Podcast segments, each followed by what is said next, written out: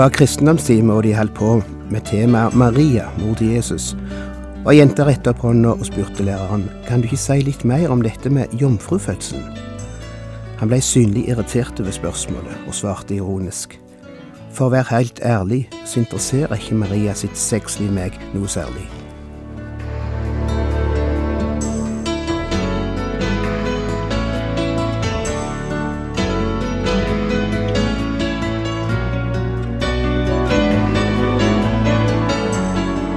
Hjertelig velkommen til et nytt program i serien Vindu mot livet.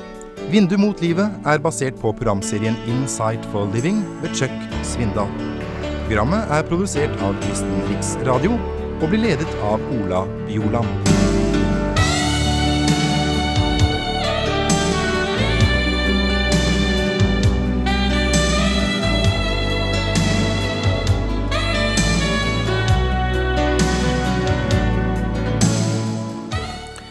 Vi begynner med å lese ifra Lukas 1, vers 26-38.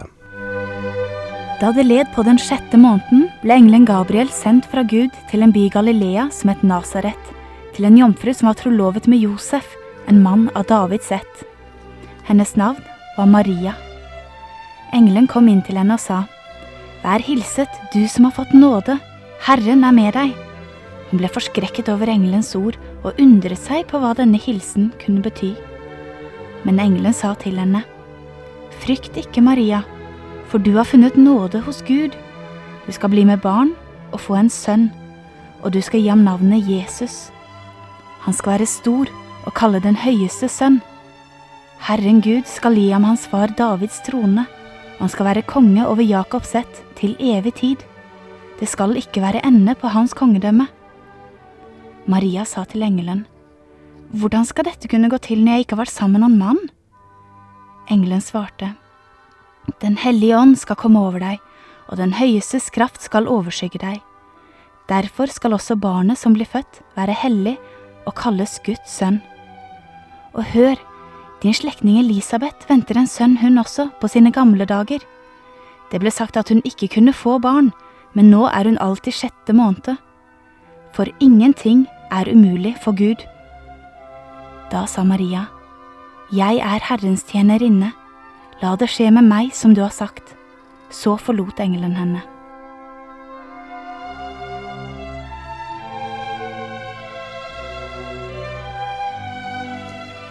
Det barnet som Maria skal bære fram, er Guds barn, eller Guds sønn. Og jeg begriper ikke de som kan komme til noe annet resultat når det står så tydelig og detaljert her. Da må en i tilfelle fornekte det som står i Bibelen, for den er helt klar på dette punktet, både her og andre plasser. Den hellige ånd skal komme over deg, og den høyestes kraft skal overskygge deg. Derfor skal også barnet som blir født, være hellig og kalles Guds sønn. I den ene setningen har vi faktisk hele treenigheten. Vet ikke om du la merke til det. I én setning er både Faderen og Sønnen og Den hellige ånd nevnt. Det blir planta en sæd i Marias liv, en sæd som ikke er kommet fra noe menneske, men fra Gud sjøl, formidla ved Den hellige ånd. Jeg snakker ikke om en vanlig befruktning nå, altså, slik noen beskriver det, som en slags seksualakt mellom Den ånd og Maria. For dette kan ikke plasseres innenfor menneskelig ramme. Men det er likevel Gud som smelter sammen med mennesket, ved et under. Gud og menneske blir ett, og det barnet som blir født, er både Gud og menneske. Og det er det som er hele poenget. Og det er det som er så veldig og så ubegripelig, og får så store konsekvenser for hele menneskeheten, at vi aner bare en brøkdel av rekkevidden av dette. Maria er ikke hellig. Maria er ikke syndfri. Maria er et vanlig menneske. Men på en eller annen måte gjør Gud en operasjon i henne som gjør at det nyplanta fosteret i henne bærer med seg menneskenatur, samtidig som det ikke bærer med seg den del av menneskenaturen som er blitt vår tragedie, nemlig synda. Det er et syndfritt menneske som her blir skapt. 100% menneske, samtidig som det er Gud som kler seg i menneskeskikkelse, og han er 100% Gud òg. Og vi kan spekulere like det dommedag, hvorfor Gud gjorde det på denne måten. Klart vi kan komme fram til mange gode grunner, men heilt til bunns i det kjem vi nok ikke. Det er et mysterium. Når noen får dette til å bli logikk og matematikk, får det til å lye så sjølsagt og forståelig og opplagt, så forsvinner noe av mysteriet. Husk, husk på at Maria undra seg over dette hele livet. Og det samme gjorde Josef og apostlene. De trodde på Jesus, men de kom aldri helt til bunns i sjølve mysteriet ved hans fødsel og unnfangelse. Vi aner at dette har noe å gjøre med at hvis mennesket skulle gjøre opp for seg, for sin skyld og sitt fall, så måtte det et menneske til å gjøre dette på vegne av de andre. Gud kunne godt sendt en engel til å sone vår synd, men han sendte et menneske. Han ville at mennesket sjøl skulle gjøre opp for seg. Men ingen menneske kunne gjøre opp for seg, verken for seg eller for andre. Ingen vanlige mennesker. Det var bare et menneske uten synd, et menneske som sjøl ikke hadde synd, som kan sone synd på vegne av andre. Hvis han sjøl hadde synd, så ville hans soning i tilfelle kun vært en soning for hans egen synd. Det måtte et såkalt lyteløst lam til, som i generasjonene som generasjonene i, i mange århundrer hadde vært opplært i å tenke. Men sjøl om han var et menneske uten synd, så var heller ikke det nok for Gud, ser det ut for. Gud ville sjøl sone for oss. Gud ville sjøl ta straffen og døy i plassen for oss. Ingen menneske kunne gjøre dette fullkomment. Men samtidig som han gjorde det sjøl, så lot han òg mennesket sjøl ta del i det, ved at mennesket òg fikk være med. Derfor sendte han sønnen sin, som samtidig var menneskesønn, som både var Gud og oss i en person. Og det Jesus gjorde, var både Guds gjerning, derfor er det fullkomment, Derfor er det gjort akkurat på den måten Gud vil og krever, for det er gjort av Gud sjøl. Men samtidig er det menneskets gjerning, min gjerning, fordi det, er gjort, fordi det er gjort av et menneske, av en av min slekt, av min stedfortreder. Jeg vet dette virker veldig dogmatisk og teologisk, og menneskeord er egentlig ikke i stand til å uttrykke dette. Vi kjem det kort. Men dette er summen av hvordan Gud sjøl forklarer det. Og jeg tror det, og jeg skjønner det stykkevis, men ikke heilt til endes. Jeg klarer ikke lage logikk ut av det. Det må få være et mysterium. Og samtidig aner jeg at det er en genial plan, dette her, hvis en skal få lov å bruke slike uttrykk om dette. En plan som ikke er oppkommet i noe menneskehjerte, sier Bibelen. En plan så til de grader imot all vår fantasi og all vår forstand og all vår oppfinnsomhet, at de fleste menneskene er vanskelig for å sluke den. Men det er fordi den ligger over vår forstand. Og likevel skal vi få lov til å tro på den, og ta imot den, og la den få gjelde for oss uansett hvor mye eller hvor lite vi forstår av det. At det er noe du ikke forstår, betyr ikke at du dermed ikke kan tro det. Det er der så mange mennesker kortslutter. De tror at de ikke kan tro på det de ikke forstår. Og så møter du alle disse som har så fryktelige anfektelser fordi de ikke riktig klarer å tro på jomfrufødselen og alt det der. om at Jesus var Gud, og så videre. Jeg må være helt ærlig og tilstå akkurat i det stykket klarer jeg ikke å følge de. Akkurat det har faktisk ikke vært mitt store problem. Jeg mener, enten er Gud Gud, eller så er han ikke Gud. Jeg skjønner ikke hva som skulle være så vanskelig for en som er Gud, å la ei kvinne bli med barn uten at det var en mann inne i bildet.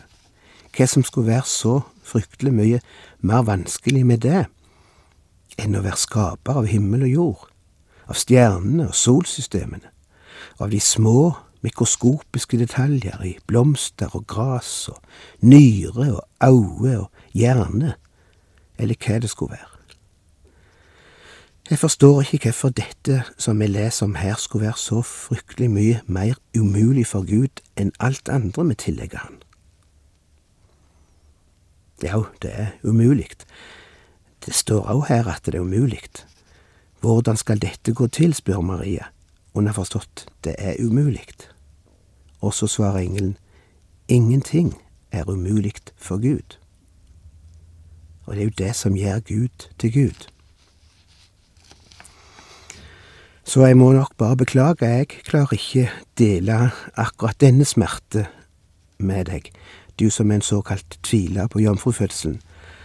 Det er mange ting, andre ting jeg har store problemer med, men akkurat dette har ikke vært mitt store problem i livet, hvis jeg skal være helt ærlig. Selvsagt forstår jeg det ikke, men når har jeg påstått at jeg forstår Gud? Hvem forstår Gud? Hvis jeg forsto alt han gjorde, så var han ikke Gud. Da var han bare et menneske. Men det er akkurat det at hans forstand går over min forstand. Det er akkurat det at jeg ikke klarer å følge hans forstand, som viser at han ligger på et annet nivå enn mennesket, og som viser at han er Gud. Ei jente fortalte at hun hadde spurt sin kristendomslærer om akkurat dette spørsmålet. Hun forsto at læreren ikke riktig trodde på dette med jomfrufødselen. Iallfall var det tydelig at han ville ikke gå inn på det, og han la ikke noe vekt på det. Og denne jenta, som var personlig kristen, rakte opp hånda og spurte, Kan du ikke si litt mer om dette med jomfrufødselen? Hva du mener om det, og hva det betyr? Og han blei synlig irritert over spørsmålet, og svarte ironisk, for å være helt ærlig så interesserer ikke Maria sitt sexliv meg noe særlig. Det er jo en måte å si det på.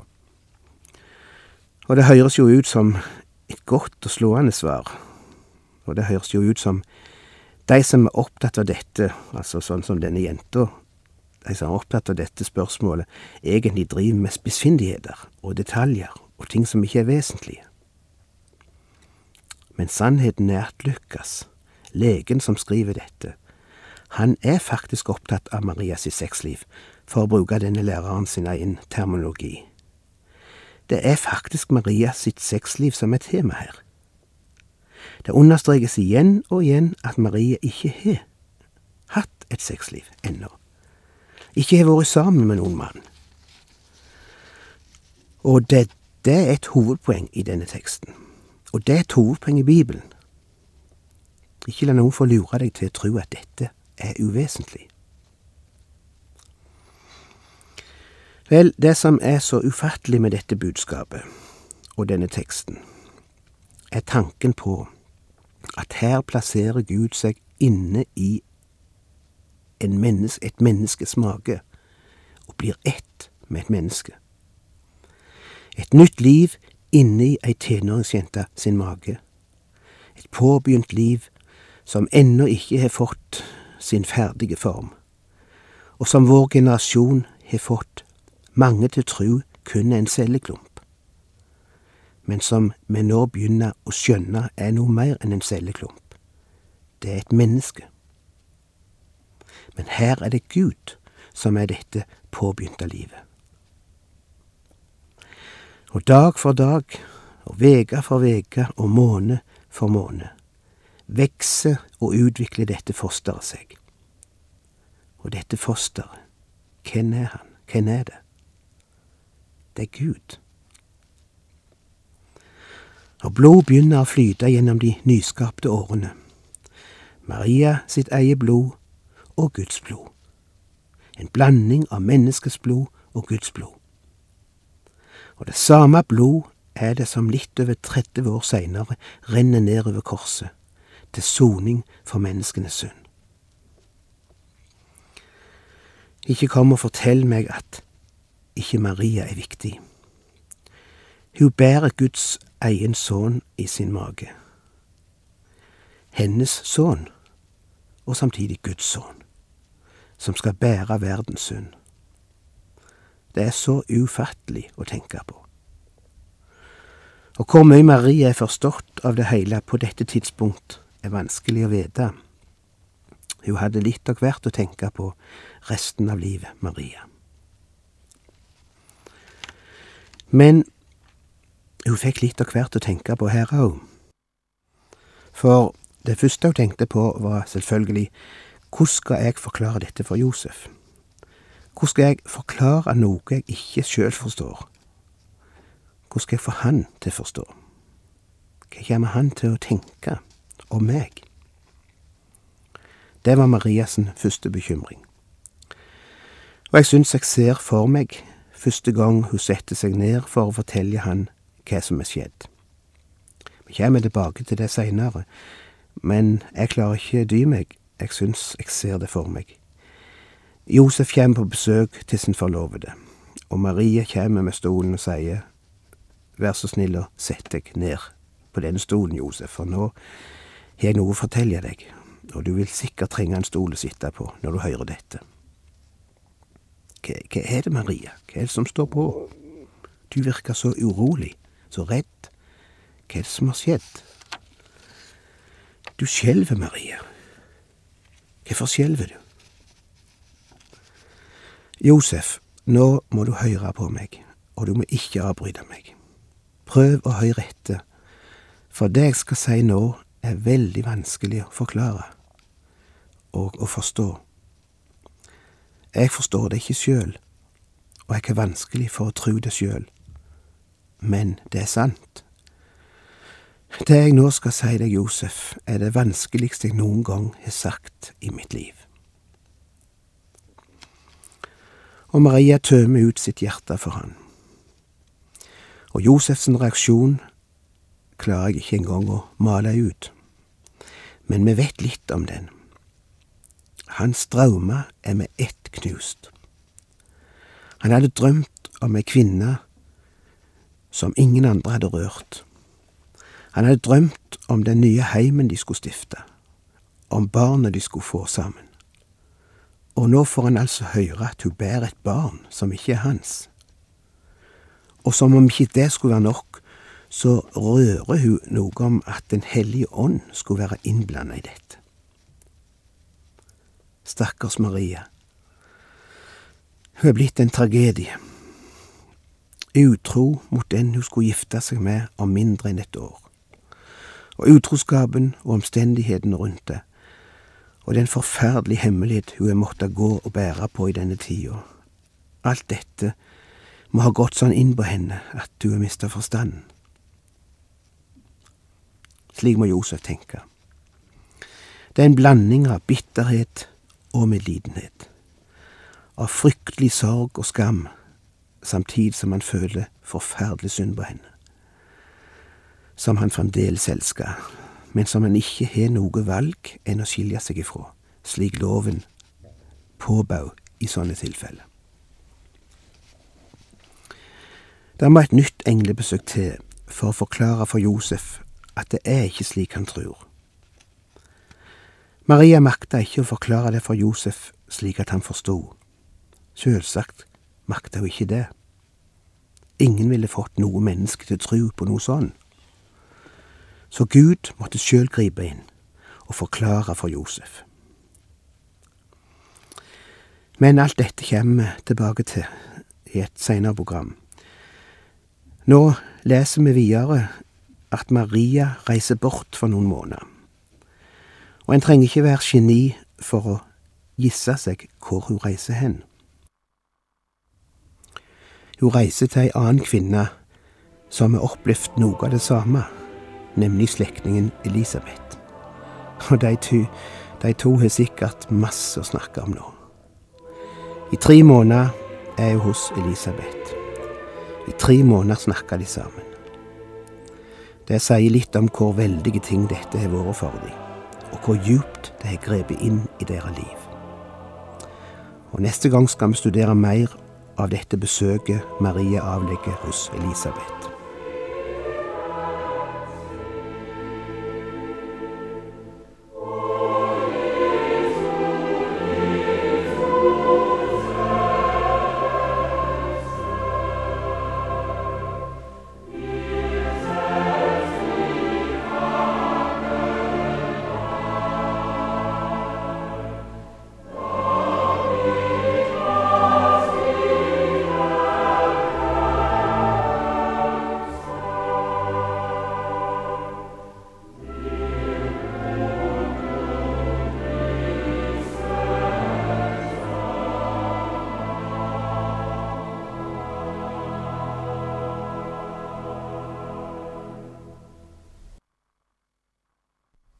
Har lyttet til et program i serien Vindu mot livet ved Ola Bjoland. Har du spørsmål eller kommentarer til det du nå har hørt, så kan du ta kontakt med oss. Adressen vår er Kristen Riksradio, Storgata 10B 0155 Oslo. Vindu mot livet er produsert for din lokalradio av Kristen Riksradio. Takk for i dag, og på gjenhør.